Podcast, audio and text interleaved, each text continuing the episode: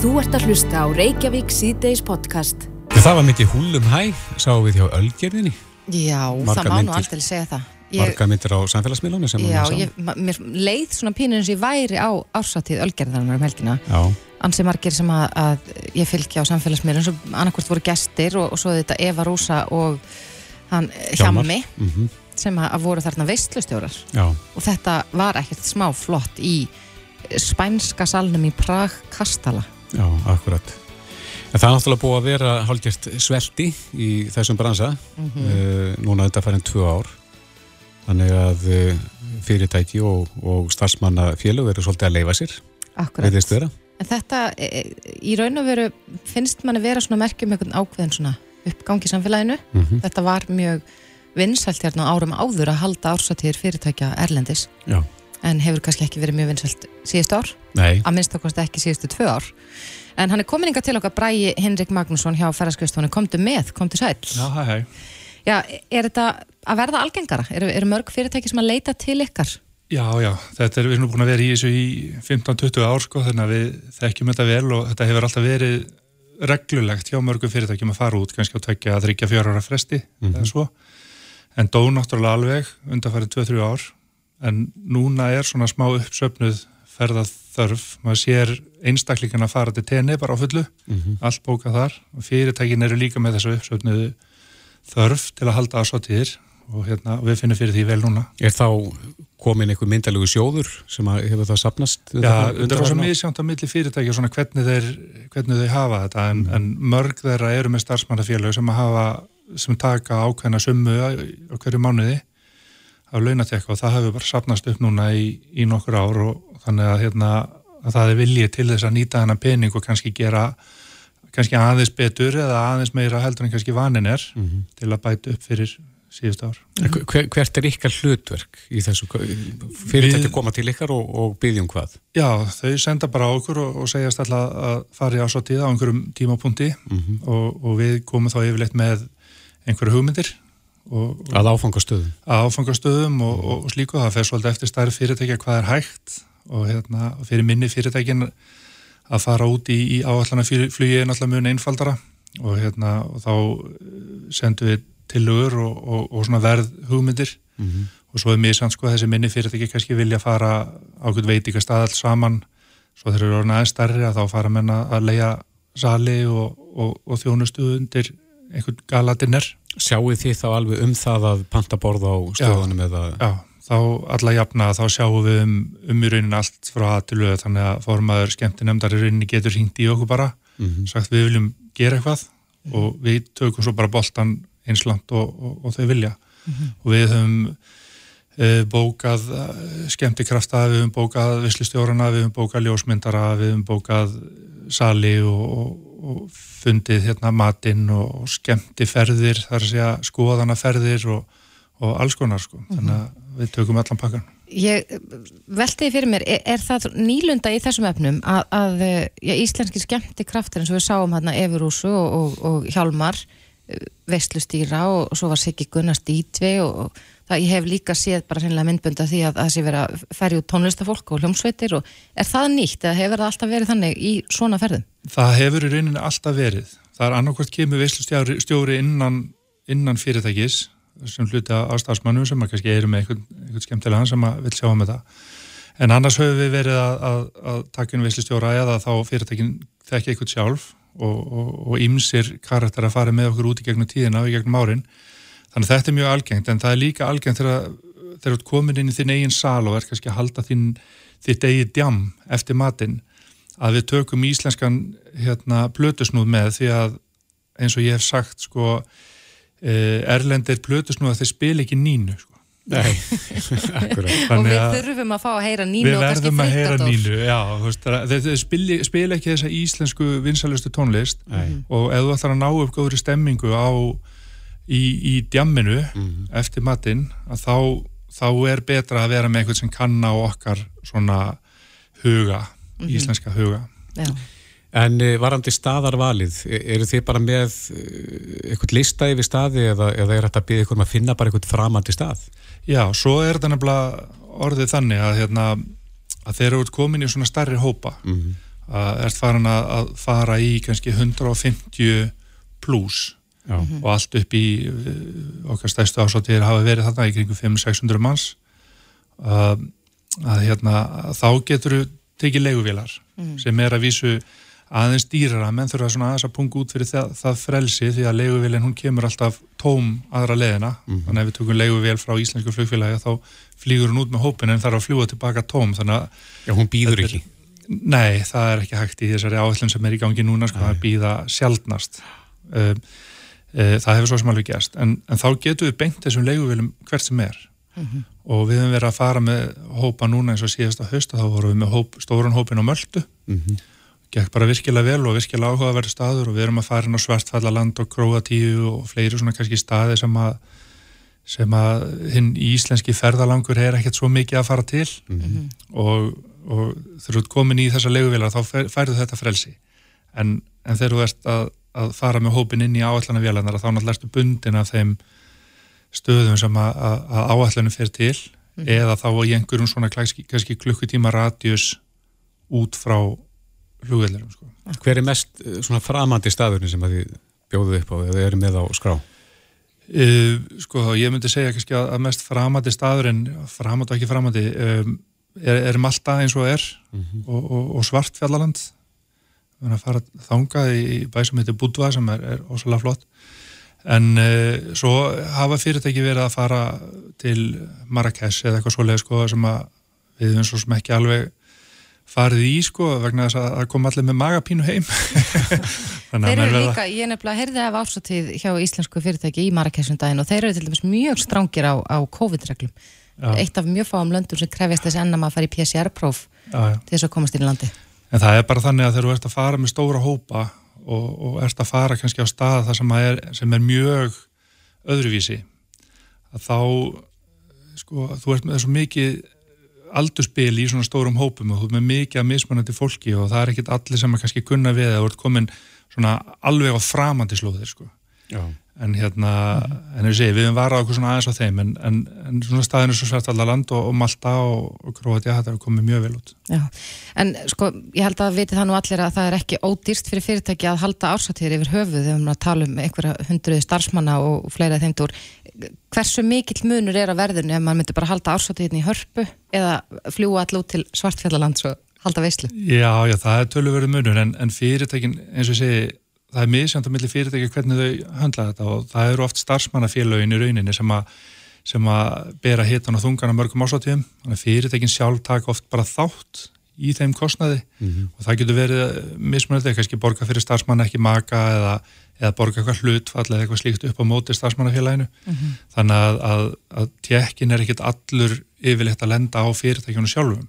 Ef þú ættir að skjóta á, á einhverju upphæð, segjum hundra manna fyrirtæki í svartfjallalandi, ef við höldum okkur bara við það, hvað, hvað gæti svoleiðis það kostað? Hún er alltaf einhver staðar norðan við 100 áskallinn ef þú ert að fara í leiguflug þongað uh, síðan er bara spurningu sko hvað mikið þú setur í ásóttíðina sjálfa.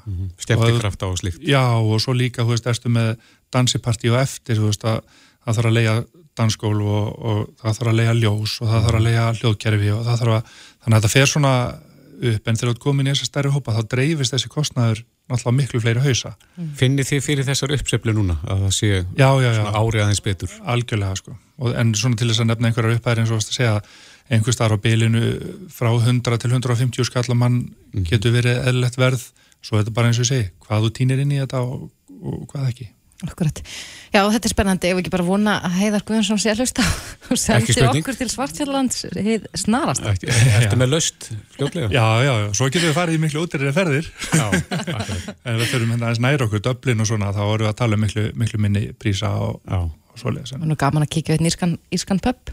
ekki spurning. Bræi Henrik Magnússon hjá ferðarskristofunni komdu með. Kæra þakki fyrir komuna. bara mínu var án Þú ert að hlusta á Reykjavík C-Days podcast. Jæja, ég held að, uh, stýrivaksta hækkun gerdagsins hafi nú ekki farið fram hjá mörgum. Sælabankin hækkaði vextu um 1% stig í gær.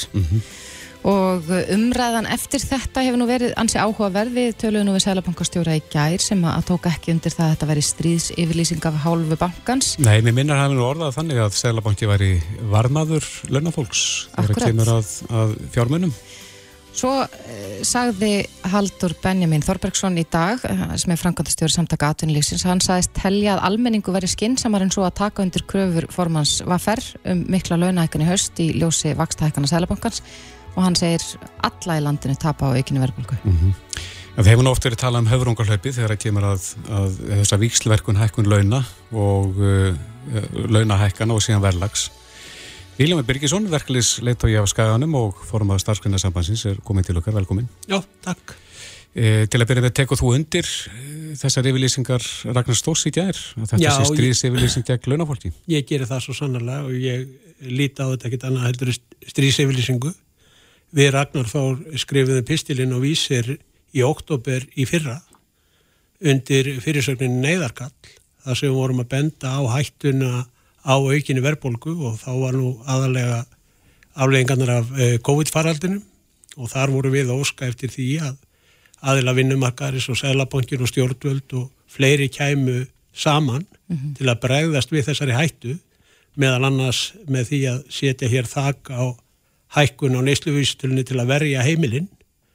Það var ekki orðið við þessari óskókar á þeim tíma en það sem við vorum að benda á í þeim písli í óttobir í fyrra, það hefur allt raungerst og, og rúmlega það. Og ég tek algjörlega undir með Ragnar með það að þetta mun setja okkur í verkefæliseyfingunni í mjög erfiða stöðu núna í komandi kjaraverðum því að það er alveg ljóst að það er ekki undir nein, neinu kringustæðum hægt að ætlast til þess að neytendur og heimilinn í þessu landi og þar, þar með tali launafólk náttúrulega taki á sig allar þær kostnæðarhækkanir sem að dinni á okkur sama hvort að það er þessi stýrivastahækkun eða hækkun á matvöru, tryggingum á bensíni, það bara likur fyrir á síðustu 2-3 árum að þá hefur bensínlíturinn hækkað um þetta 70-90 krónur sem að þýðir í raun og veru fyrir venjulegt heimili svona frá 8-16 krónar hækkun. Þessi stýrivastahækkun mun leiða til þess að fólk sem er með breytileg, breytilega vexti, tökum bara einfalt dæmi, 50 miljón krónar lán, það mun uh, auka greiðslubyrðinu um 50.000 krónur, nei, fyrir ekki við 40.000 krónur á mánuði og heldur Sæðlabankin eða samtök aðlýsis einu, þá einustu mínútu að verkalýsefingin þurfi ekki að verja sína félagsmenn gagvart slíkum kostnæðarhækkunum og, og, og, og tapi á, á ráðstöðunatekjum. Mm -hmm. Við höfum ekkert annað, ger, getum ekki gert neitt annað til að verja haga okkar félagsmanna þegar svona hækkan er dinja á okkar félagsmannum en að sækja það í formi launabreitinga. Akkurat, Haldur Benjamin sagði einni í dag hann gerði það fyrir því að stjórnvöld og aðilar vinnumarkaðarins myndi taka höndum saman við að dempa verðbólguna og sömulegis sé því ekki sveigrum fyrir mikla launahækkanir í komandi kjærasáningsgerð. Hvernig er hægt að, að, að komast að einhverju niðurstöðu þegar að það virðist vera langt á milli þó að viðræður séu nú valla hafnar? Ég vil nú byrja því að segja það. Ég er búin að vera í þessi 20 ár og það hefur aldrei aldrei frá því ég hóf, hóf þáttöku í verkalýs barátu verið svirum til launabreitinga. Aldrei nokkuð tíman, hvort ég á sælabankanum, samtökum aðlýsis eða stjórnvöldum, það hefur alltaf verið talað um það að sé ekki til, til svirum. En það sem að ég undrast í þessu öllu saman er það að íslensk fyrirtæki þau skulda 5.000 miljardar samkvæmt hagstofun og þetta eru tölur frá 2020, væntalega eru þessar tölur herri í dag. Þessi stýrivakstahækkun sem að núna dinur á landsmönnum þýðir í raun og veru að ef hún skila sér öll, til dæmis á þessar skuldir hjá fyrirtækjum, þá er þetta 50 miljardar uh, aukning á, á, á, á fjármaskostnaði fyrirtækja. Og tækið eftir, það er jafn há uppæð og það kostar að ganga frá kjærasamningum á hinnum almenna vinnumarkaði, það er einhverstur á bilinu 50-60 miljardar Þess vegna spyr ég og ég hefur reyndar spurt Sælabankastjóra að þessu þegar hann talar um vikslverkun launa og verlags. En hvað með vikslverkun vaksta og verlags? En takkið eftir þegar við erum að tala um það að þetta lendi á fyrirtækjunum, mm -hmm. jú, vissulega gerir það það. En hvar, hvar, hvar endar það svo? Já. Það endar á neytundum mm -hmm. vegna þess að fyrirtækin þau ger ekki neitt annað heldur en að varpa sínum vanda út í verlaið, út í þjónustuna og endanum er það alltaf sami sömu aðilatin sem þurfa að standa ströym á auknu kostnaði og það eru neytund. En geta þau annað? Er þetta ekki það eina sem þau hafa? Þá spyr ég á móti, hvað getur við gert annað? Mm -hmm. Þegar að aukinn kostnaður lendir á launafólki og heimilónum annað heldur en að sækja það þegar að kjærasamlingar eru lausir. lausir. Og sjáu þið mismunin á milli launafólks og fyrirtækja. Þegar að fyrirtæki verða fyrir kostnæðarhækkunum, sama hvort að það er frá byrgjum innlendis eða ellendis, þá er því bara varpað út í verðlæð samdægust. Þið þurfum ekki um að keira fram í að bensinstöð og, og svo kannski tíu myndu setna þá getur bensinlíturinn verið búin að hækka um fjóra til fimm krónur. Mm -hmm. Þeir varpað þessu viðstöðlist út í verðlæðið en við, eina tækifæri sem við höfum, það er þurfa að kjæra samningar eru lausir. Einmitt. En það hefur verið bent á það að, að stýrivægsta hækkun lendir jafn hart á fyrirtækjum landsins, þau skulda líka. E, þá er spurt, er þá sandjant að sætja launahækkanir til þeirra sem er að verða fyrir jafnmiklum skada og, og launa fólk? Eins og ég sagði nú að rétt á þann, á endanum munu fyrirtækin varpa þessu út í verðlægið og ná þeim kostnaði tilbaka. En ég spyr þá Sælabankan á móti og samtöku aturlýsins. Hví óskopunum eru menna að hækka álögur á fyrirtækin á sama tíma að þau eru að benda á það að e, komandi kjærasamningum muni ráða úrslutum um það hvort að hér verði óðaverbulga eða óstöðuleiki og svo framvegs þegar að þessi vaksta hækkur einu sér kostar jafn mikið og hækkut laun. Mm -hmm.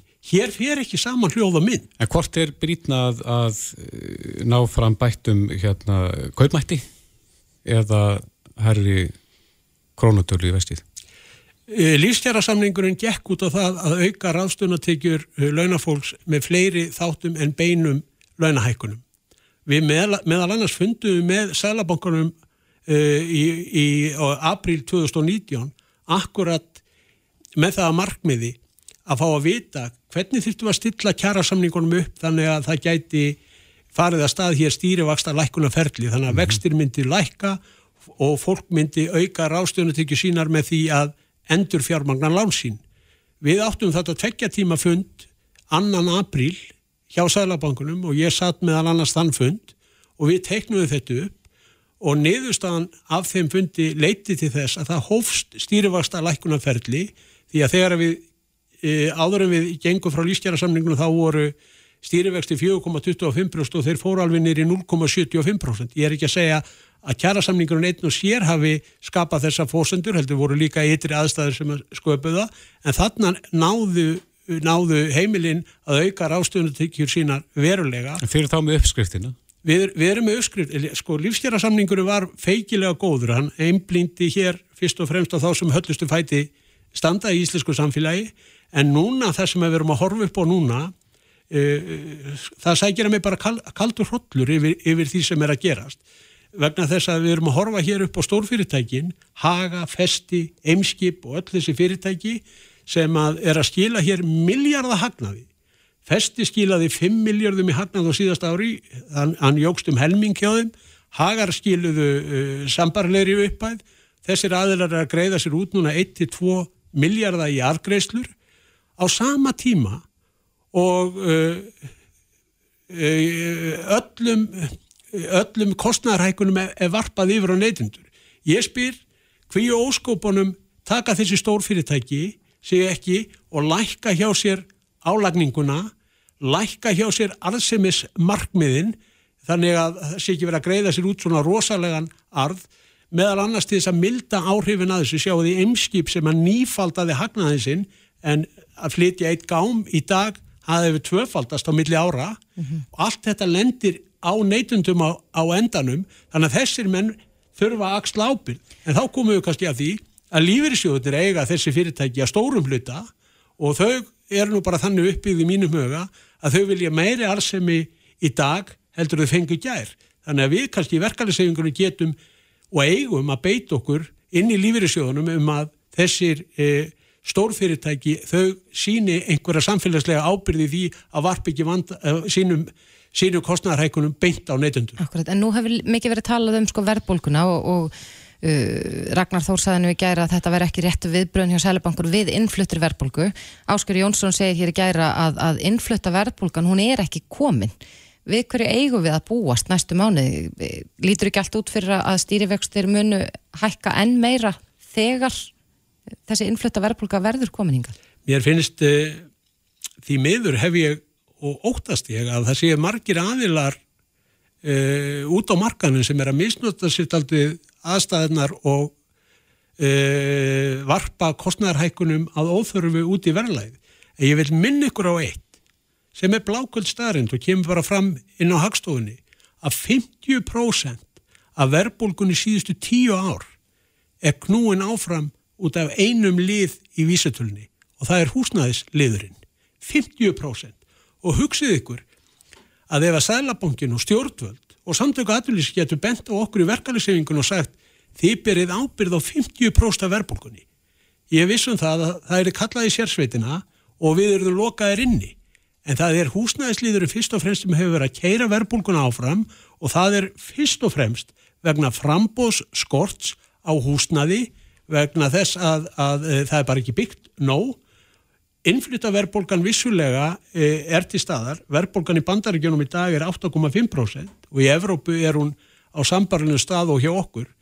Hafa sælabankar þessara landa verið að grípa til svona róttækra stýrivaksta hækkana eins og hér? Nei, vissulega hækkaði bandaríski sælabankin e, stýrivextina um 0,5% í gær en stýrivextinni þar eru, ef ég mann þetta rétt, eitthvað starf kringum 1% hér er þetta miklu öfgakendara hvernig þetta er gert og hér er ekkert verið að gera neitt annað heldur en að færa fjármunni frá skuldsettum heimilum yfir til fjármála fyrirtækjana og ef við horfum á rekstur fjármála kervisins viðskiptabankarnir þrýr sem hafa hvaða hlutverk? Jú, að geima penninga og lána penninga þeir skiluðu 81 miljardi hagnað í fyrra til að setja þetta í samengi að þá skilaði loðnuvertin, stæðsta loðnuvertið í Íslands sögunni sem að var að ljúka núna fyrir, fyrir nokkru viku síðan. Hún skilaði í kringum 40 miljardar í útlýtingstekjur. En viðskipta bankarnir þrýr, þeir skiluðu 81 miljardi hagnaði fyrra og Arjónbanki var að tilkynna núna að hagnaður uh, bankans hefur verið 5,8 miljardar á fyrsta ásfjörðingi. Og hvaðan koma þessi fjármunir? þeir koma eðlilega frá skuldsettum heimilum vegna heiminhára vaksta, eh, verðtryggingar og vegna hára þjónustugjaldada. Mm -hmm. Ég heyr að þú ert rétt að vera heitur, við verðum því að setja punktinn hér, við getum haldið lengi áfram en Víljami Birgisson, það verður frólægt að sjá hvert þetta leiður okkur en eh, þið eruð greinilega tilbúinir í átök í haust. Við verðum að verja okkar félagsmenn, en ég er alveg á þeim stað að þetta er það alvarlegt ástand þegar við erum að horfa upp á svona mikla kostnæðarhækani lenda á, sko ég tala nú ekki um hjá tekjuláðu fólki sem nær ekki endur saman frá mánuði til mánuðar og meira segja er millistjættin að lenda í þessu sömu vandraðum. Ég er að hitta fólk sem er bara venilegt millistjættafólk sem er að berjast í bökkum við að ná endur saman frá mánuði til mánuðar og þegar við erum komin á þann stað þá held ég að okkur beri öllum síðfyrirsli skilda til þess að reyna átt okkur á stöðunni og reyna að greina hana en við getum ekki afgreitt þetta með þessum hætti að varpa öllu yfir á lögum. Stutt svar, viltu nýja lífstjæra samninga í, í haust? Ég er engum vafa um það að lífstjæra samningunni skilaði góðri niðurstöðu og ég er að byrja kröfugjörðina fyrir mitt félag og ég vil byggja uh, uh, kröfugjörðina upp á því formi sem við gerðum þar. Ílami Byrkesson, takk fyrir komina. Takk. Þetta er Reykjavík C-Days podcast. Jæja, Reykjavík C-Days heldur áfram. Við ætlum aðeins að vinda okkur nýra á Þing en uh, við sáum í fréttina vísi.is að uh, Volodymyr Selenski, fórsett í mm -hmm. Ukrænu, mun uh, ávarpa íslensku þjóðina og allþingi á morgun. Já, og sangant fréttum er þetta ansi mikill merkis atbyrður en þetta verður í fyrsta skipti sem að Erlendur þjóðhöfðingi flytur mm -hmm. ávarp í Þingsal Alþingis. Og svo sem hefur uh, veg og vanda því að skipuleitja þennan merka atbyrð er Ragnar Árnadóttir, skrifstofustjóri Alþingis. Kom til sæl? Já, komið í sæl. Ég er bara að taka fram strax að það er náttúrulega margir sem koma að þessu verki. Já, þú ert já. kannski höfuðið á þessum hér. Ég veit það ekki, já, ég vonandi, geð eitthvað gang. Jæja, en uh, hvernig kom þetta til? Já, þetta er bara niðurstaða af, af samræðin sem að hafa átt því stað í, í, í pólitíkinni, þannig að, hérna, að, að þetta er niðurstaðan en hann hefur verið að, uh, fara uh, ávarpa þjóðþing og alþjóðastofnanir og, og hérna búin ávarpa til dæmis okkar sístu þing á Norrlundum, þannig að kannski var bara rauðin komin okkur. Mm -hmm. Og hvernig mun þetta fara fram, Ragnar? Uh, hann mun ávarpa í gegnum fjárfundabúnum, sem að þetta er verður inn í þingsal og uh, það er nú ekki, þetta er ekki þingfundur, þannig að þetta er bara svona alveg einstakur viðburður mm -hmm. uh, sem að vera haldin inn í þingsal. Þannig að við erum ekki bundin af, af þeim venjum og hefðum sem eru í, í, við þingfundi en það væri það mjög erfitt af því að þarna er erlendu þjóðhöfingja ávarpa Eh, ávarpa þingheim og, og, og þjóðina sem hefur náttúrulega ekki gert áður í þingsal. Nei. Þannig að hann mun ávarpa í, í, hérna, í gegnum fjárfundabúnað en, en uh, okkar megin verða að fórseti Alþingis Birgir Armarsson og, og svo eh, herra Guðni T.H. Jóhannesson, hann mun líka ávarpa fyrir hann íslensku þjóðarinnar og svo mm. eftir ávarp Selenski þá mun Katrin Jakobsdóttir fórsettisráð til að ávarpa uh, fórsetta Úkrænu. Þannig að þetta verður, þetta verður nú ekki laung Eh, langur viðbyrður en, en, en, en merkilegur. Já, verður þetta í beinni útsendingu? Verður hann að, Já. Eh, eins og kallaði live? Þarna...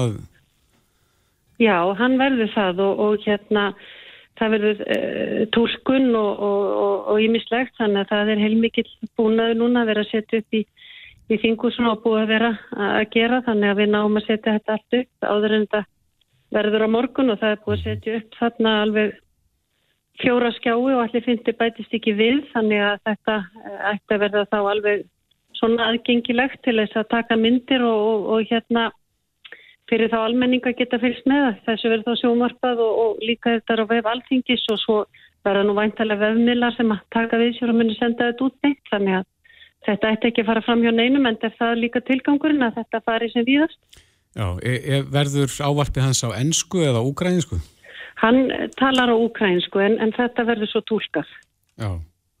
Þannig að hérna það er, það er búið að vera mikla pælingar í kringu það en, en það er sem sagt, uh, þetta er sem sagt eins og, eins og þeir hafa þetta er, og síðan er þetta tólkað á ennsku og, og við erum líka með tólka okkar meginn þannig að mm. hérna þetta verður tólkað og tekstað á víksl. Já, kemur þetta með skömmum fyrirvara? Já, fyrirvarin er ekki langur þannig að að við fyrstum að bregðast fljótt við en það er nú sem betur fyrir bara mikið til að ofbáslega góðu fagfólki hérna á, á Íslandi sem að hérna það sem betur brást að eh, hérna fljótt við þannig að, að Guði sér lof fyrir það. Mm -hmm. En þetta er klukkan tvö á morgun ekki satt eftir á deg? Jú, jú, klukkan tvö. Og eins og þú segir þá ætti þetta ekki að fara fram hjá neinum?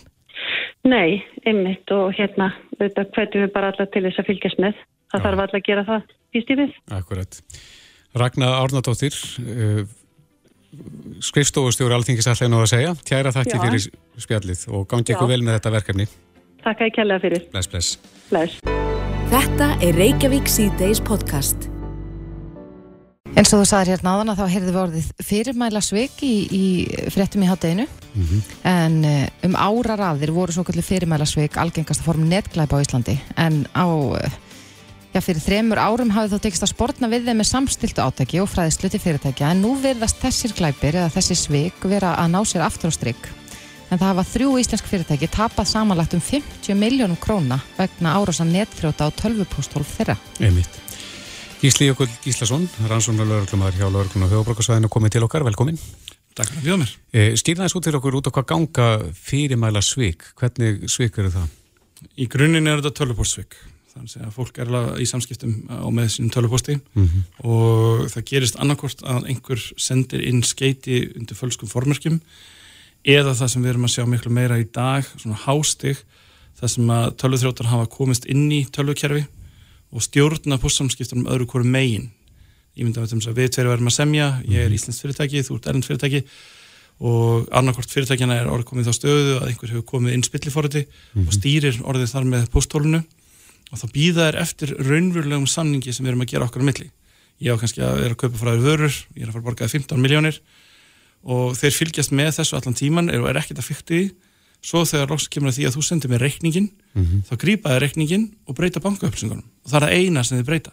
Já. og í hvað stöðu er ég þá sem svona, ég ætla ekki að segja grandlaus því að þú veist, ég, ég, ég veit að þessi viðskiptir eru rétt, ég veit að mér ber að borga þessu upphæð ég bara áttum ekki á því að það er einhver annar sem er komin inn í samskiptin Nei. og ég er að senda peningana á allt, allt aðraðala sem eru síðan að vinna í því mjög hrætt og vel að láta peningana hverfa. Og þannig að fórnalöpi hefur einhver fórsendu til að gruna að banku upplýsingandi séu rángar. Nei, ekki ef hann treystir alfarið á tölvupóstin og það er eiginlega það sem við erum að reyna að segja fólki að gera alls ekki að því tölvupóstur er ópersonlegur þetta er texti og það er, þarf ekki mjög mikla teknitekkingu til að breyta í raun og veru fyrirmælum í texta eða setja inn aðra bankaupplýsingar en eru þau meðins taka reikningar sem eru svona alveg reikningar rétt út gefnir og það er bara búið að breyta sem sé myndinni þannig að það er bara búið að taka út gamlu bankaupplýsingar og setja nýjar í sama, sama letri Hvað fólk að gera þá í staðin? Hvernig getur það baktryggt að þetta séu réttar upplýsingar?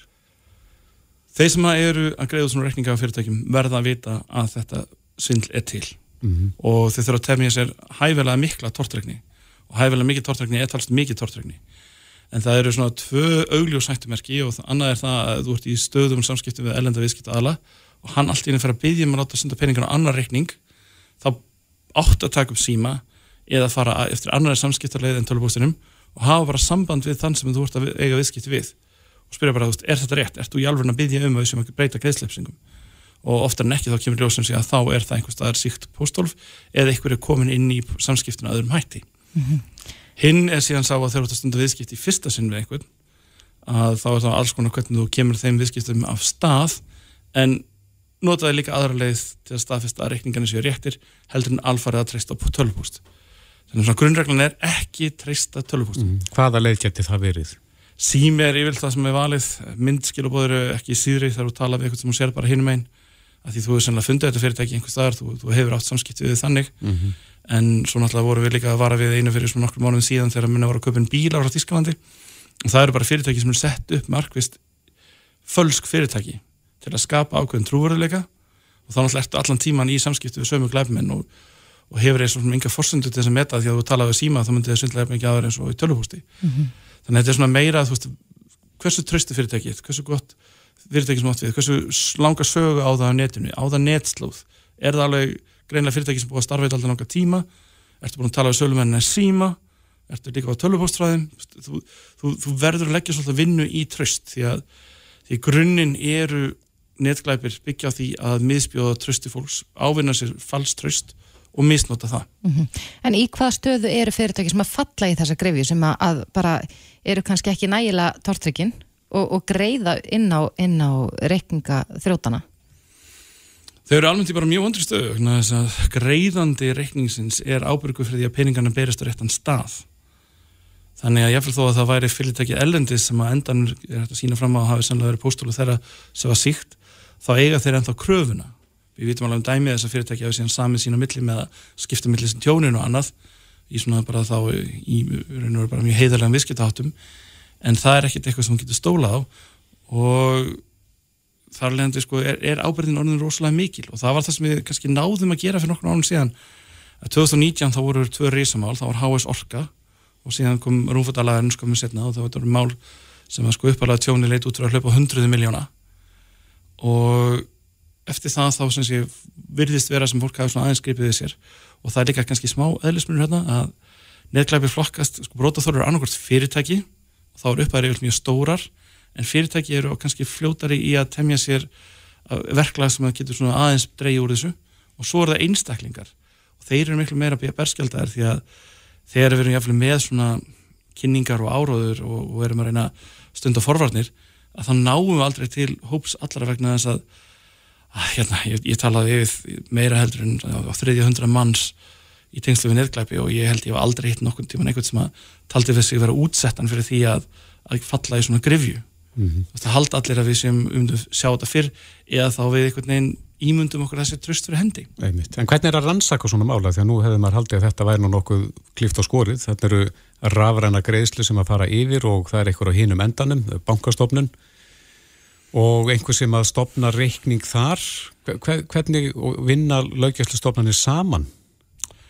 Já, það er sem sé, það eru alls konar alþjóðlega sáttmála sem segja við vinnum saman en hérna kemur kannski rót vandans að, að við búum í alþjóðlegum heimi þar sem að viðskiptur alþjóðleg, peningagreðslur alþjóðlegar og í raun og veru öll peningakerfi, bankakerfi og annað eru sniðin að því að afgreða allt hratt og snögt mm -hmm. en uh, réttarkerfi áttum átti er alltaf bundin við landslög hvers ríkis. Þannig að við berum forræði á rannsókn ef að brotið annarkvært tengist okkur eða brotathól er hér. Og í fyrsta viðtökuríki þá svo sem eru samskiptin greið það er alveg möguleik að ná peningunum eða þeir hafa stoppað í fyrsta bankanum.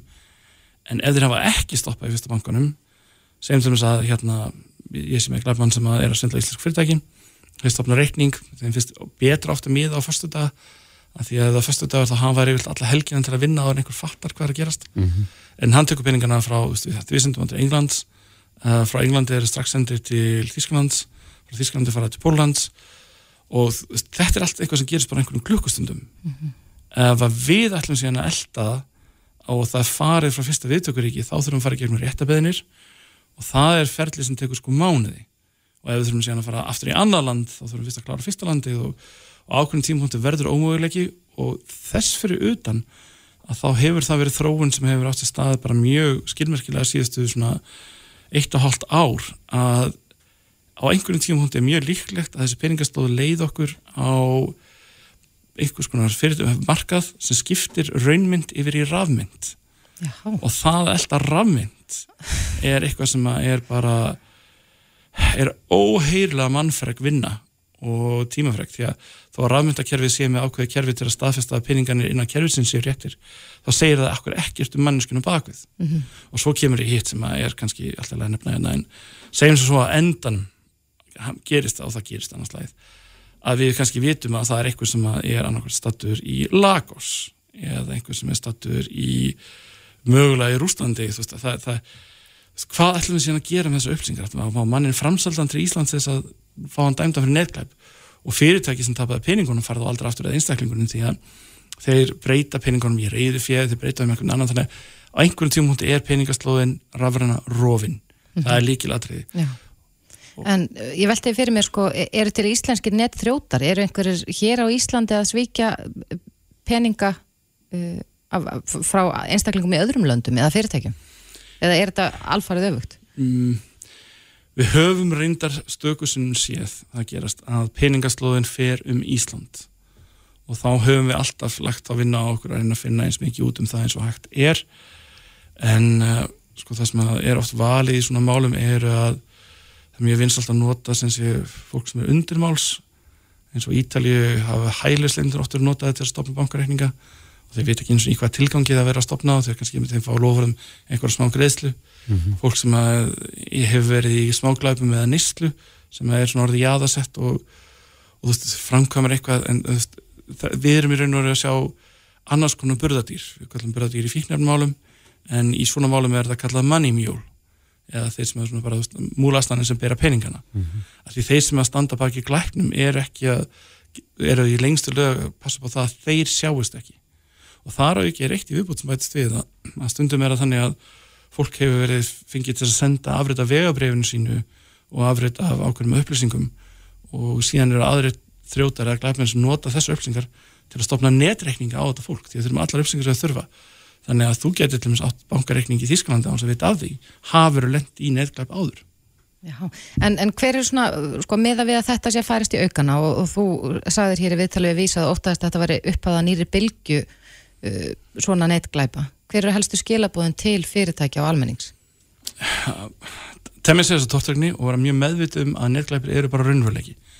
Þú nefndir að, meðan vorum hérna áðan að koma inn að eins og þessar sendingar sem fólk hefur að fá, þú þín byrðið pakki á postinum, þín byrðið pakki á DHL, uh, eitthvað skrítin skilabóð frá bankaneginum. Þetta er svona einfaldasta form neittglæpa en þarna er verið sem sé að draga fólk inn og og þú veist að bara vera að spila um það að fólk er svona vant í bara afgreða þetta og það er bara svona glatt að geta að klára eitthvað í símanum.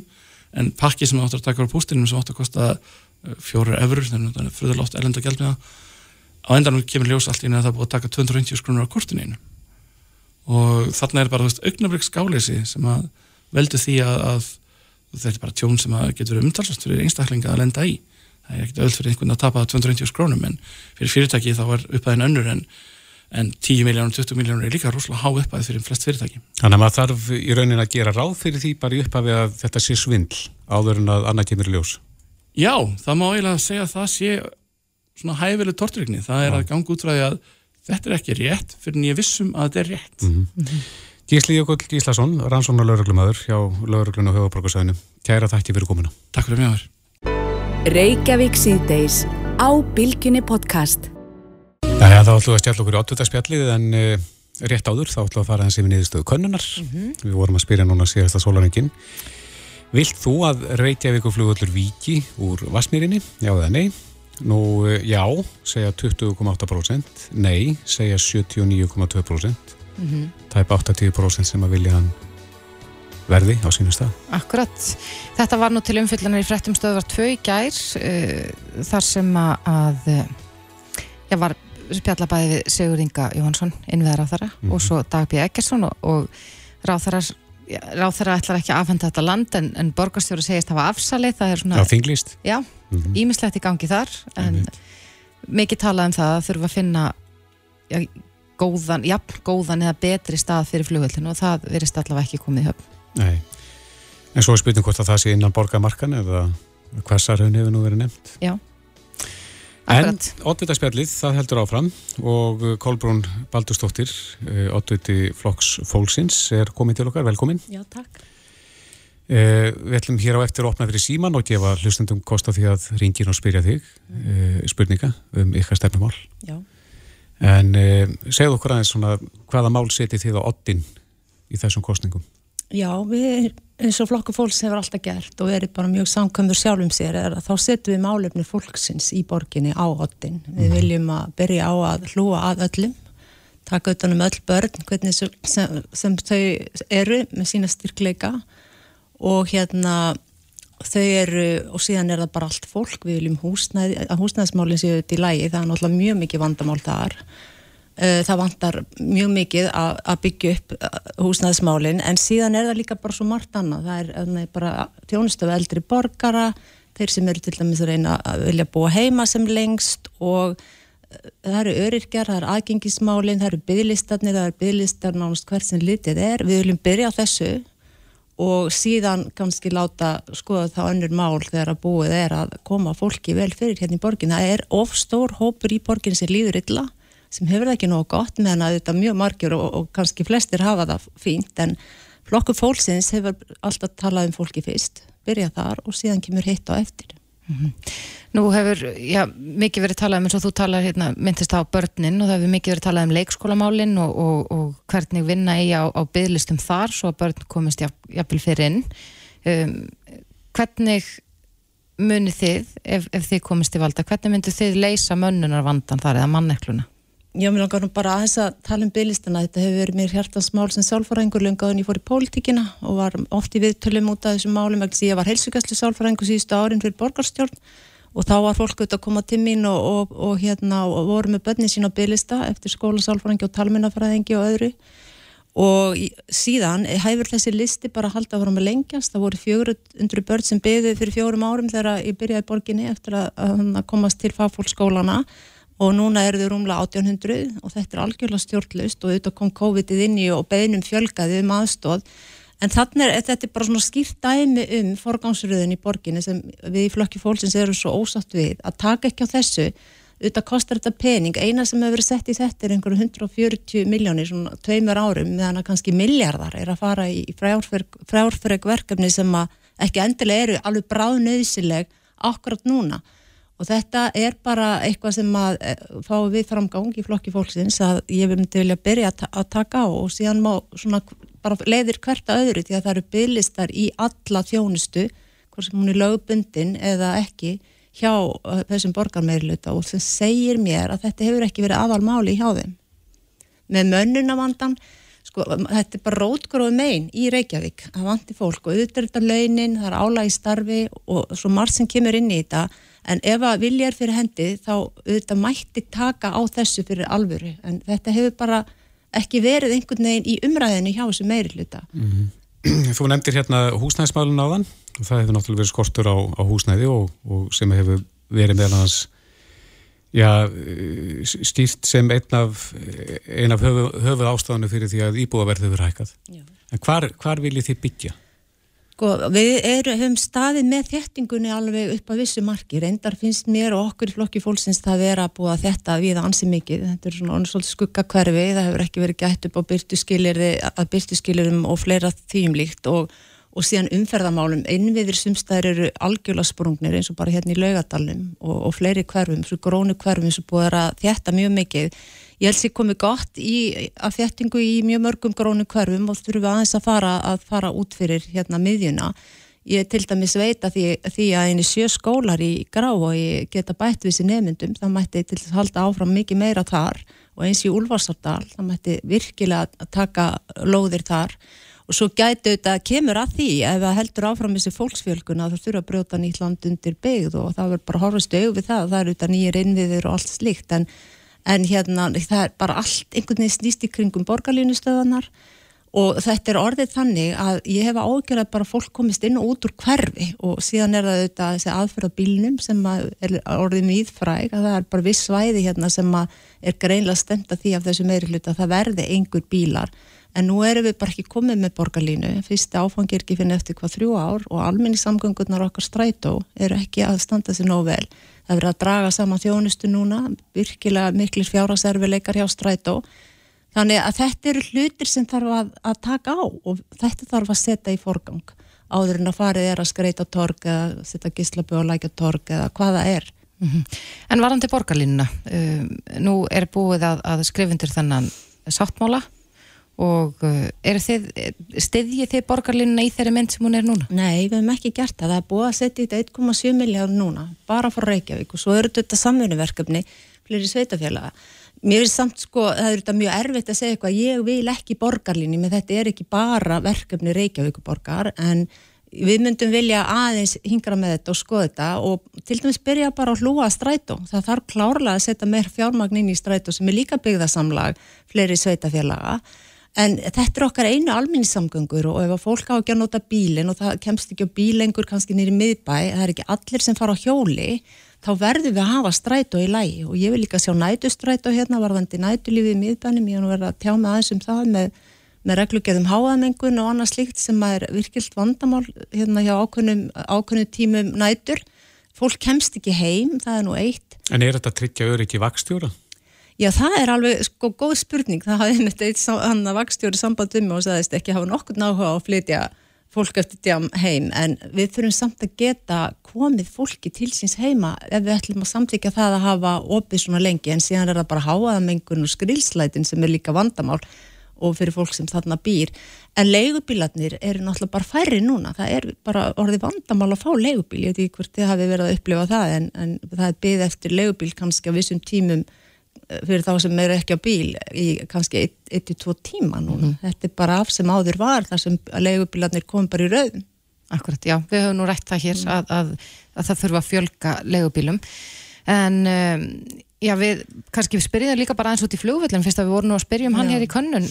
Hvað standið þig á hvort honum? Sko, flugvöllin, þetta er ekkit mál sem er eitthvað efst á dags og við erum með fólki fyrst. Allt í kringum þjónustu við fólk viljum við bæta, við viljum fjölga þjónustu þáttum, við viljum við bjóða upp á svona heimagreislu til þess að leta á leikskólaplásunum, ég veit ég er að fara að tala um það eftir við konu sem heitur Hulda og ég mhm. lakka til að heyra það.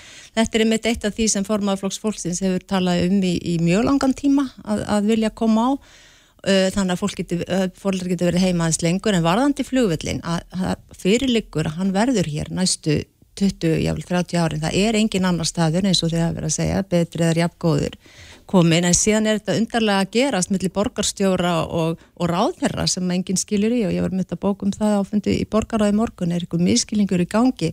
Ég meina ef borgin á lóðina en Sigurdur Ingi segir að, að þetta sé ekkit að, að fara að gerast að byggja upp skerjaferðin Þannig að það er eitthvað mjög sérkjörlegt þar í gangi sem ég get ekki svara fyrir hér en, en flugvöllin viljum við hafa á, á, á Reykjavíksvæðinu, það er alveg á reynu. Er eitthvað pláss fyrir hann? Já, nú á bara eftir að gera rannsóknir á þessum plássun sem að mögulega komið til greinu og mér skilst það svona rannsóknarvinn að taki já, já, mörg ár. Væri slemt að missa hann úr borginni? Sko á Stóreikjavíkusvæðinu, já, ég held að, að það er ekki, hann að sé ekki hugur í að fara með til kemla ykkur. Nei, nú hafa sömur talað um það. En, en er þið, þið borgina miklum tekjum ef hann færi? Ég held sér líka bara upp á öryggi og láspítalan og annað slíkt sem að hérna, sem að hérna, fólk er nú aðalega hugsa um í tísambandi. Já. Mm -hmm. Já, eigum við að uh, skella okkur í auðlýsingar og, og opna síðan fyrir síma. Við ætlum auðvitað eins og, eins og við höfum verið að gera í þessari viku, Mhm. að leifa hlustöndum að ringja inn og, og spyrja hana kolbrunum spurninga. Já, nú eru margir óákveðnir eins og Mhm. kom fram í konuninu okkar rétt um 50% sem eru búin að ákveða hvað er alltaf að kjósa en þannig að það er mikið af lausu fylgi Akkurat. Þannig ef þið viljið eh, komast að áherslum flokksfólksins þá er símanúmer hér á eftir 567 11 11. Hún setur hjá okkur, Kolbrún Baldurstóttir, hátutti flokks fólksins og uh, ætla núna að svara ykkar fyrir spurnum, símanúmeri 5671111 ef þið viljið komast að einhverju er varðar málefni flokks fólksins. Kannski rétt árið við tökum fyrsta, getið unni með öllum í, í borgarstjórnum, Útil, útilokið einhver. Nei, nei, við útlökum engan flokk fólks, við erum öllum þeim sem vilja taka utanum þessi málefni flokks fólksin sem er fólki fyrst og þjónusta við fólki í borginni. Já. Já, ef við ekki bara að dempa okkur í fyrsta hlustanda, góðan dag. Góðan daginn og komið þið sæl. Góðan sæl. Mér finnst nú gaman að heyri þessari góðu konu. Henni Kolbrúnu, já. Hvað heitir þú fyrir geðu? Að Ég heiti Eva. Þú ert Eva. Ertu með spurningu? Já, ég er með spurningu. Það er fyrir aldraða. Já. Eh, ég held að væri formaður til fyrir aldraða en það verðist ekki vera. Það er svona langað með að spyrja hana hvað allir þið að gera fyrir aldraða? Já, takk fyrir þessa spurningu Eva. Þetta er einmitt hópur sem að flokk fólksins hefur sett í virkilega í forgang og við á þessu tímabili þá lagði ég tvisa fram tillögum að það er því svona settur á lag, laginnar embætti umbósmaður eða hagsmunafulltrúi aldraðara. Það var því miður fælt en sá aðili myndi mitt halda svolítið utanum en að málaflokk en síðan er það þeir sem að vilja búa heima, það eru tjónustustættir þar sem þarf virkilega að hlúa að og huga að eins og til dæmis hafið kona sambandum um daginn og býr heima, er eldri kona og sagði hvernig á ég að komast út með sorpið? Það er orðið allt og mikið af sorpi hérna heima og ég treysti mér ekki með það út.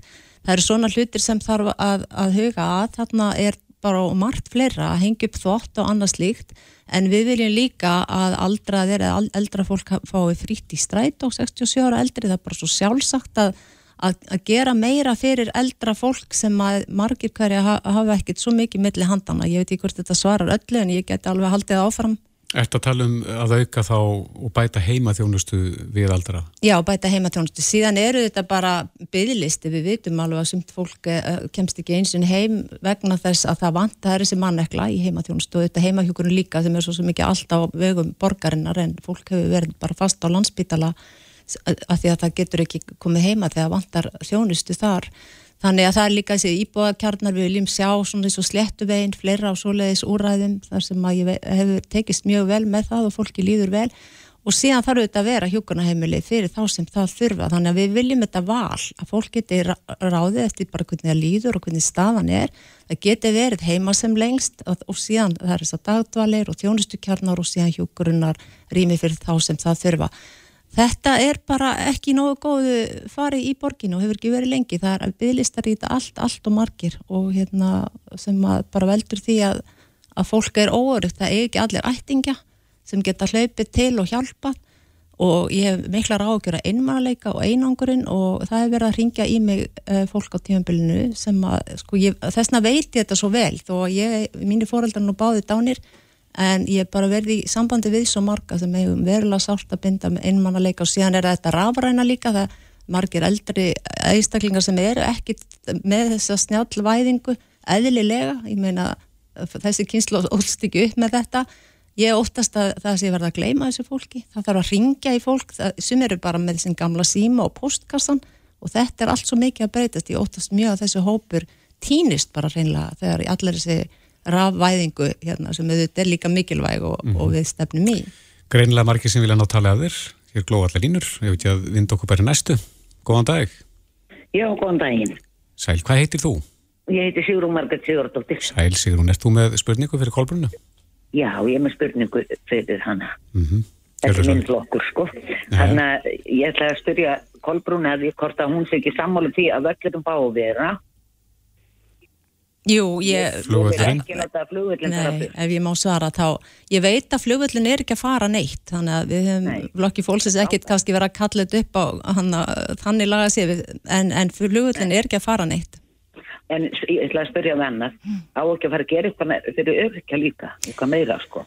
Sko, öryrkjar eru alltaf svo hópur sem er bara fátakasta fólki í borginni, ég veit ekki hvort þú manst þetta í skýslunni sem kom út í fyrra, það var bara alveg hræðilegar Bara, og niðurstöður. leiðan er alltaf svo dýr hérna, þú veist ég er með 52 fermetra íbúð, Já, ég já, já. bara yfir 140.000 mánuði. Svo eru allar þessar skerðingar og ef fólk vil eitthvað vinna smáeis þá er ennþá meira skert og ég hef verið að tala um þetta í borgarstjórn vegna þess að borgin þarf ekkert að fylgja þessum almannatryggingarlögum varðandi skerðingar. Það er hægt að gera svo mikið, mikið betur fyrir þennan hóp svo ekki sé minnst á aðgengismálin og líka bara losum segjanleika hvernar fólk, eh, fólk vil vinna eitthvað smáeis með Já, þannig að þarna þarf virkilega að laga til og við, Já, munum gera það að fá við framgang. Félagsbústæðakerfið, mann finnst það uh, hart sko, það var eins og Sanna var að tala um þarna í sambandi við að þeirra sitt í innheimtu. Til momentum, já, já, já. Veist, þetta er bara ekki svo sorglegt og, og dráttavextir sem að fólk er látið borga eh, og, og þetta er mitt fátakastu hópurinn, þetta er bara alveg verulega sorglegt. Jæja, kæra þakki fyrir þetta. Og þá uh, skiptum við um línu og sjáum hver er hér, góðan dag. Góðan daginn. Guðmundur er heiti ég. Já, kom til sæl Guðmundur, erst þú með spurningu fyrir hann að Kolbrún? Já, ég reynda að býja ekki Reykjavík en ég á aldrei á móðu sem býr á Sléttuvegi 11 til 13 og þegar hún kaupir fyrir 6-7 árum þá var salur niðri sem að borgaryfirveldi eru búin að ákveða að loka skerða Svona félagsaðstæða þjónustu- ykkur. Já, þess að þau geta safna saman, fengið sér að borða, fengið sér kaffi, félagsvist og borgar yfirvöld eru með það á hreinu að loka þeim sal og bendir á rafnustu. Þarna er fólk sem er komið vel yfir nýræ, það er ekki að lappa þarna neyri til í að vetri til.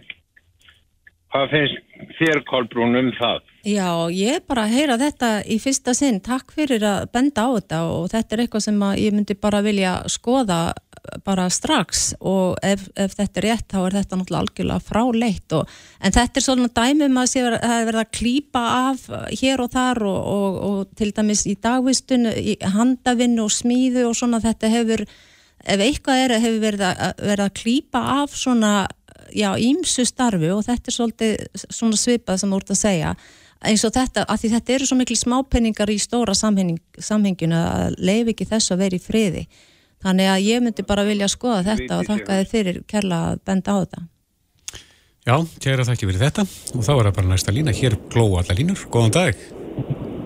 Góðan daginn. Hver er þar? Hjördís heit ég. Kom til sæl Hjördís. Erstu með spurningu? Já, ég er með spurningu. Uh, mér langar að vita hvernig þið ætlaði að leysa leikskólamálinn fyrir mæður sem eru að koma úr fæðingaróláfi og til vinna aftur. Og það er tugi mæðra sem eru að ljúka fæðingarólánu fá ekki dagmömmu og fá ekki leikskólaplás hvað á að gera fyrir þessa, uh, þessa fjölskyldur. Ég meina þetta fólk getur ekki verið tekilöst það gefur alveg að leið. Hvernig á að leysa þetta, nú er þetta eitthvað mál sem þarf að leysa sem fyrst Þetta er algjörlega hár réttiður og mjög bringt að leysa sem fyrst og ég hef einmitt verið í mjög miklu samstarfi við dagforeldra á tímabilinu og, og þeirra starfsöryggi er bara mjög svona ofta óljóst. Það er einmitt hana, þannig að það er kannski mjög mikið að gera á hausti og síðan eftir áramót þegar börn fara kannski að fá leikskólplast þá allt í hennu kannski dag, eitthvað dagforeldri sem er ekki með nóg að gera. Þannig að að það hefur, það er svona svolítið línan að kannski hvort að verða að losa sig við þessa stjett og mjög stilla fram komið við hana. En málið er að það er ekki búið að brúta bíl eins og lofa var, það hefur gengið mjög hægt en við í flokki fólksins eru núna með á okkar stefniskara og vilja greiða fóröldur sem ákveða að hafa börnin sín heima á aldrinum 1 til til dæmis 2 ára. Mánaðlega styrk sem jafngildir niðugræslun Reykjavíkuborgar fyrir hvert barn í leikskóla. Hvað er að hann þetta sé, þetta, hann, þetta er svona að fer eftir hvort að barnið er eins ás eða tveggja ára, þetta er svona mismöð þetta er alveg, þetta er kannski millir 200 og 300 þúsund. Á mánuði. Já, og í rauninni kostar eitt svona leikskólapláss um 400.000 en það fer eftir aldri. Mhm. og þetta þarf bara að útfæra en þetta hefur verið talað um oft og er í rauninni hugmynd fornarsflokks fólksins sem er bara kom fyrst fram fyrir mörgum árum síðan. Einmitt. en, En- en síðan fyrir- er þetta bara fyrir ekki aðeins að þetta er bara eitt af því sem þarf að setja meira fjármagn í og gera það hraðar. Við þurfum að hafa þessa hluti í lagi þannig að þetta sé ekki kvíði og ángist foreldra á hverju einasta árið. Þetta er alltaf dágóður hópur. En það er eitt að, að borga fóröldur fyrir að vera heima en svo er það þeir sem að þurfa að komast aftur í vinnuna. Já, Hvar- en, en með því að hafa heimagriðslu og hugsaðlega velja einhverju það, þá losar það auðvitað um ákveðin plás, en, en Mhm. við, þetta er síðan bara, hefur gengið allt og hægt og þetta það er svo ótrúlegt þegar maður sko fer aftur um fjögur ár þegar mann heyrði lofordin þá að þetta átti að vera komið í lag en að þetta skuli rauninni vera pínlítið bara ennþá sami vandir því að auðvitað er líka fjölgun og það eru innflytjendur að koma og það, það, er, það er búin að, sagt, það, það er ekki eins og það hafi ekki verið hægt að reikna aðeins út fólksfjölgunina Þannig en ég, þetta er svona eitt af forgangsmálum, það er að fólk geti treyst á þetta, einmitt hvort þú hana, vilt fá heimagarísluna þá eða, eða barnið komast á leikskóla eða dagfórildri, þannig eru þrýr valkostir og þú þarft að geta valið og verið rólegur og, og vita það að þú komist aftur til vinnu eftir fæðingarólu. Akkurat. Og þá er það næsta lína, góðan dag. Það er ég. Já, það er þú. Hver er maðurinn? Átni heiti ég. Kom til sætla átni. Er mér langar að vita í sambandi við þá sem að hafi gefna á að kaupa íbúðir og, og hérna kaupa sér þá kannski hjólísi eða húsbíl og eitthvað og vilja búa einhver stær í Reykjavík með eh, sitt hjólísi eða húsbíl. Eh, Hvernig er stefna ykkar í því? Já, takk fyrir þessa spurningu. Þetta er mjög áhugavert vegna þess að fyrsta árið í borgarstjórna þá var mynd flokku fólksins að vinna þétt með fólki sem var að búa í sínu hjólísi hérna í laugadalunum og ég veit ekki hvort þú mannst þetta í máli að það gekk nú mikið á og átt að reyna að reka, átt að reka þau burt þar og þá og, og hérna þá lagði ég fram á flokku fólksins fram tilögum um að það er þið fundið svona ákveði svæði í Reykjavík sem veri nálagt svona þjónustu kjörnum og, og almenningssamgöngum þar sem að er þið gerður svona, já bara, hvað á maður að segja, hjólhísa garðir. Erstu með eitthvað svæði í huga? Það var verið að tala um ímislegt þá en hérna ekkurat núna síðan hefur þetta reyndar ekki verið í umræðinu svo mikið þetta árið en hérna ég held að þetta fólk æ- verði bara að hafa örugan stað þeir sem vilja, þetta er með spurningum að, að ráða sér sjálfur og geta ákveðið hvernig maður vill hafa, haga sínu lífi og, og búsetu og ef að það, og ég veit að það ákveðin hópur sem bara líður vel með þessa, þetta úræði og það, þau þurfa bara að geta verið örug að fá stað fyrir það að ekki alltaf óttast að vera reikin burt. Já, við náum einum hlustanda enn. Já, örstutt, örfá sekundur eftir, góðan dag. Sælverði, þakka fyrir gott spjall. En hann á Steinar heiti ég. Mér langaði til þess að spyrja þess að hvernig meiri hluta hver- hvernig er þið Reykjavík ef að að flokkurinn fengi seinan meiri hluta í borgarstöð Já, stór spurning. Já, og hún er bara dásamlega.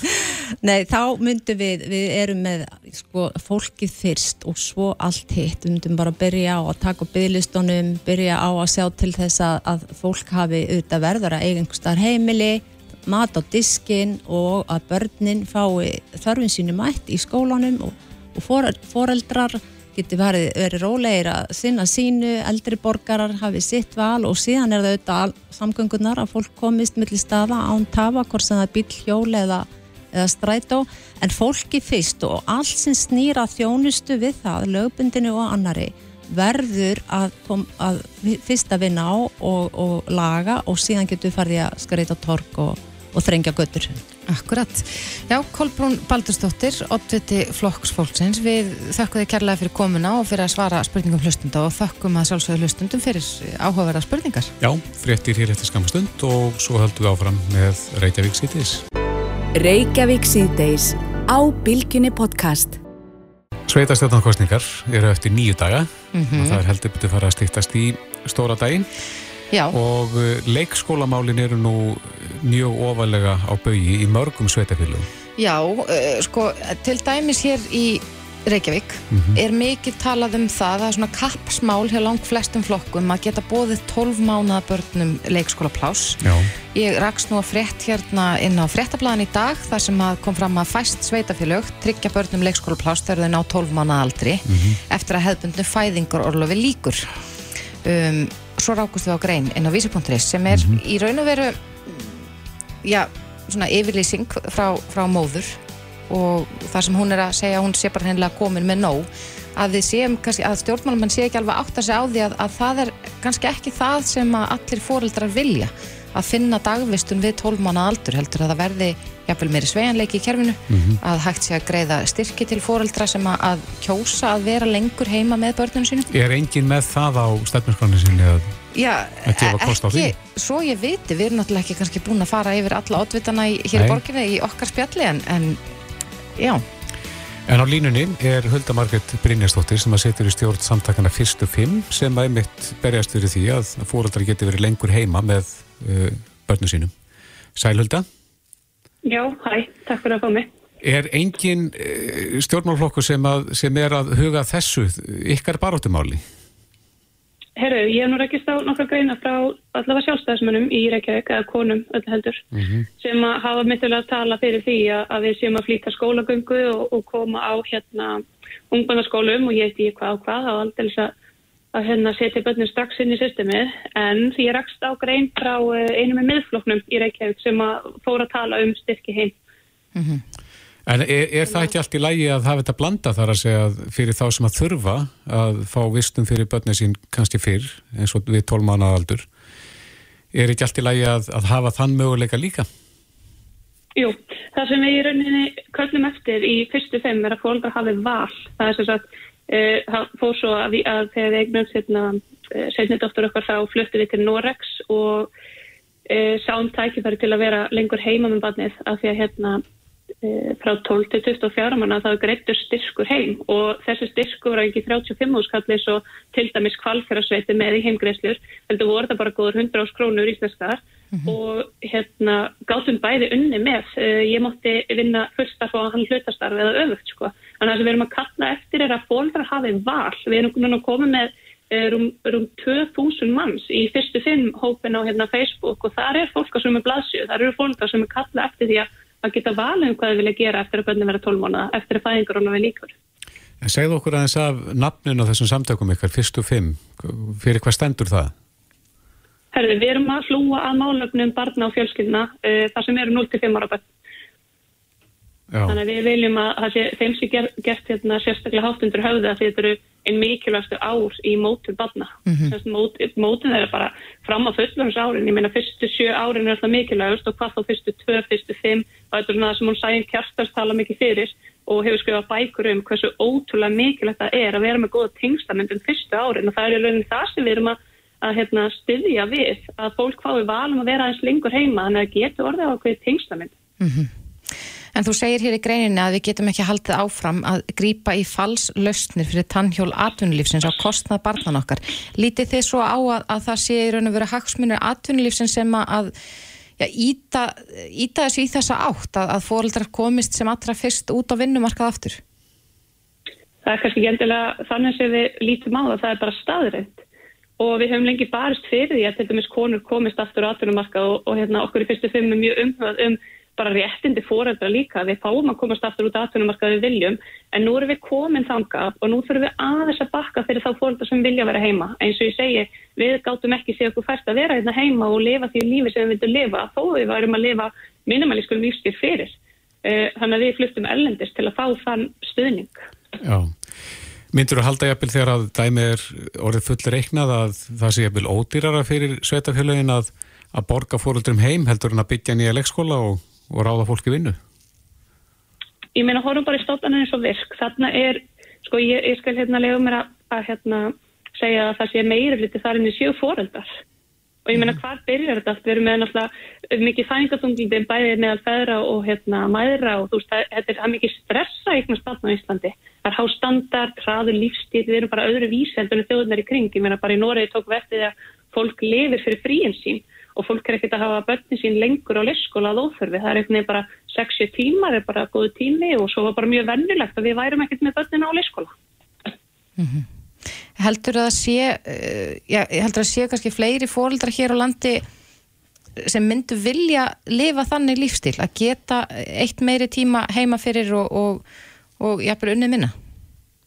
Ég meina, við erum með hópið svo fyrstu fimm, við erum með hópa á Facebooku svo haglætisreifinguna, við erum með heimaskólahóp, þar sem við erum 200, og yfir 250 manns sem er fórandar sem að uh, erum að reyna að komast einhvern veginn af því að vera með heimaskóla veist, fyrir hérna börnun okkar þegar við erum orðin eldri sko, það er ekki hlaupið að því maður þarf að vera með okkurna mentun en já, það, það er algjörlega markaður fyrir því að, að fóldra fá að vera heima og það eru fóldra að fara að nýta sér þetta. Ég hef reyndar heilt umræðan það að við þurfum að, að tekja einhver boks til að geta sótt um svona styrki ef að heimgræslu verður að setja á. En ég meina í Noregi fyrstu við bara að sækja um þetta því að það er ekkit ég meina það er ekkit auðvelt að vera heimavendi fóreldri, maður er bara í vinnunni 24-7 Já, hvaða boks væri það þá sem maður þyrst að tikki ef maður fabular hans um það? Ég man ekki hvað, hvað var nefnt, það var eitthvað svona að sækja einhver uppeldisnámskeið eða eitthvað slíkt, hvort það Mhm. verið einu sinni eða þessar. Akkurat. En þið kallið fyrst og fremst eftir því að, að fóreldrar geti haft val um það, að það séu þá já, fyrir fóreldrar sem að kjósa það að börnið er að fara í dagvistum við 12 mánu aldur uh, og svo aðrir sem að kjósa að gera það ekki, að það sé uh, komið jáft fram með alla. Algjörlega og við erum bara í þessum tölu orðum erum við að stopna fjölskylduland, það hefur nú eitthvað komið hérna í fjölmjölum en fjölskylduland verður sérstætt miðstu fóreldra og barna 0-6 ára og þar verðum við með alls konar þjónustu við þessar fjölskyldur sem að vilja vera minna í leikskóla og vilja lifa þess hægari lífstíl og vilja sameina sko, fóreldra og börn aftur en ekki stíða með sundur svona fljótt. Nei, og finnst ykkur vanta meiri umræð um þessi mál svona í aðranda kostninga? Algjörlega, ég vil sjá miklu fleiri hérna, flokka eh, einhvern veginn einblina á það að ég meina barnegnir sérlagi eru ótrúlega erfiðar, það er ótrúlega þungt ferðilega að fara í gegnum og ég vil bara sjá miklu meiri stuðning við foreldra sem að svo skila sér til barnana og þessu stuðningur er til dæmis í eh, lengingu fæðingarólofs og svo hengræðstu. Já. Hulda Margrét Brynjarsdóttir e, í stjórn samtakana fyrstu fimm. Það er spurning hvort að þeir heyri í þeir núna. Það er náttúrulega stutt til kostninga en, en aldrei vita nema stjórnmálamenninni vakni. Já, ég bara skora á það. Kæra þakki fyrir spjallið. Já, bless, bless. Hlustaðu hvena sem er á Reykjavík C-Days podcast. Þó að það sjáist nú kannski ekki af veðrinu uh, akkurat svona þessa síðustu daga, að þá er að koma sumar. Já. og undanfarin ár hefur svona, uh, aukist gríðarlega fjöldi þeirra sem að, að, spila svona allskynns út í leiki Mhm. við til dæmis sjáum frisbygolfvelli spretta upp út um allt Einmitt. Um, margir spila kupp líka sem er svona eins og svona tré spil sem er að kasta Mjög í skemmtilegt. mjög skemmtilegt Ég spilaði það bara núna um daginn. Já, það? Í Ég er, ekki, ég, er ekki, ég er ekki enn búin að spila kupp í sumar Nei.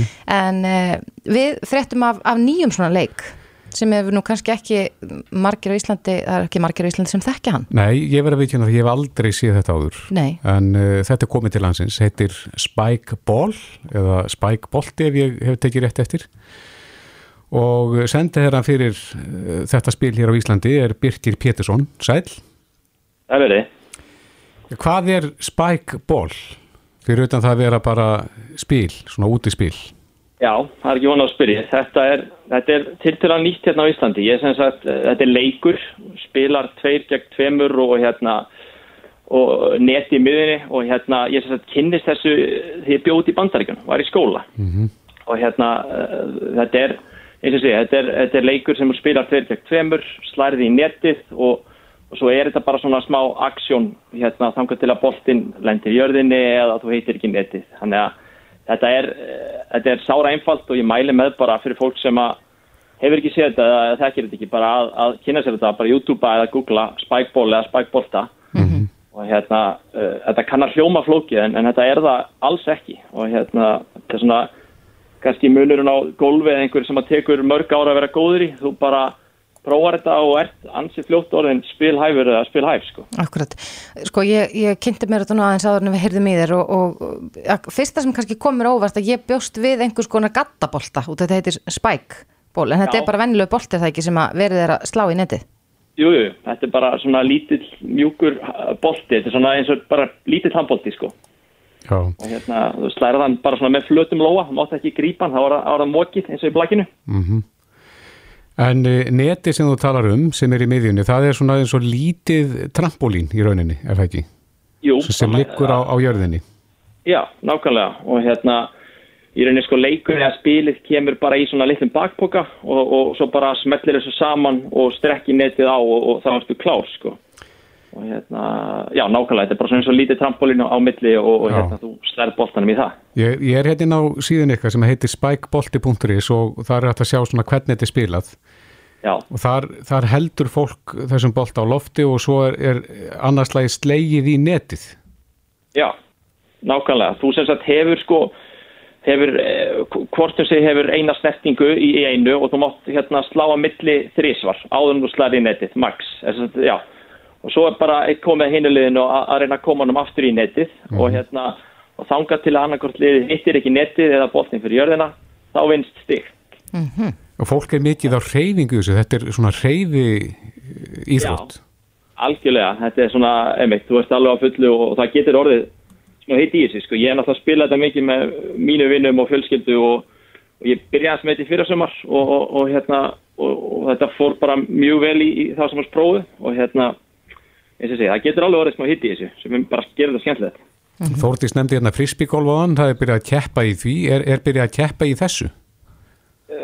ekki á Íslandi eða sko ég, ég held og lítið móti í fyrra sko og hérna auglist það ekkert svo mikið en, en mætingin var samt bara þrjusu góð sko, við vorum að klambratúni bara góðan degi og, og, og hérna og það var nú kryntur Íslandsmeistar en að jú, það var eitt lítið móti í fyrra og, og, og planið er að endur taka það í sumar og hérna svo bara hver veit, þú veist, í vetur ef þetta, ef þetta nær flugi þá er, er hérna alveg möguleiki bara að spila þetta inni, bara í íþróttásum Já, bara svo svolítið, bara- ég, ég sá þetta fyrir mér svona pínu bara eins og að vera inn í skvassal eða eitthvað og, og Já, engin spurning, engin spurning. Já, en þú segir það hefur verið gríndur Íslandsmeistari. Hver er Íslandsmeistari í, í?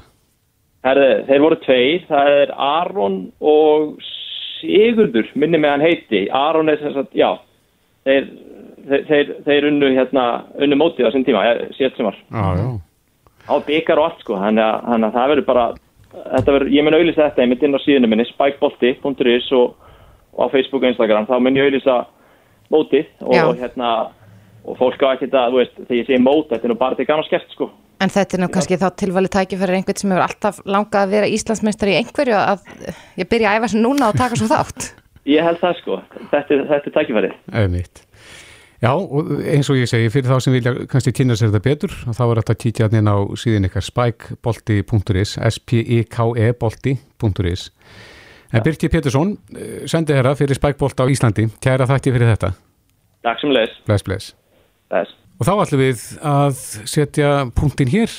Já, því miður býður ve veðrið kannski ekki upp á núna að henda sér í frisbygolf nema að vera kannski frekar vel klættur eða í Einmitt. spækbolta. Já, ég kerði bara hérna sko helliseðina í snjókomi í morgun. Já, ég fekk skilabóðum það í dag að það hefði snjóaði vesturbænum Já, þannig að, að eh, ætli þetta sé páskarretið sem er eiginlega bara einhvers konar vorrett. já, síðbúið páskarrétt. Já, En við erum komin að leiða lókum við minnum á það að við tölinn í þættinum eru komin inn á vísi.is og bylgja.is og svo er þetta að hlusta í gegnum bylgju appið. já, en við ætlum að sjálfsögða að vera aftur með ykkur hér á slæinu klukkan fjögur á morgun. Já, Þórdís Bræði og Kristófur, þakka fyrir sig.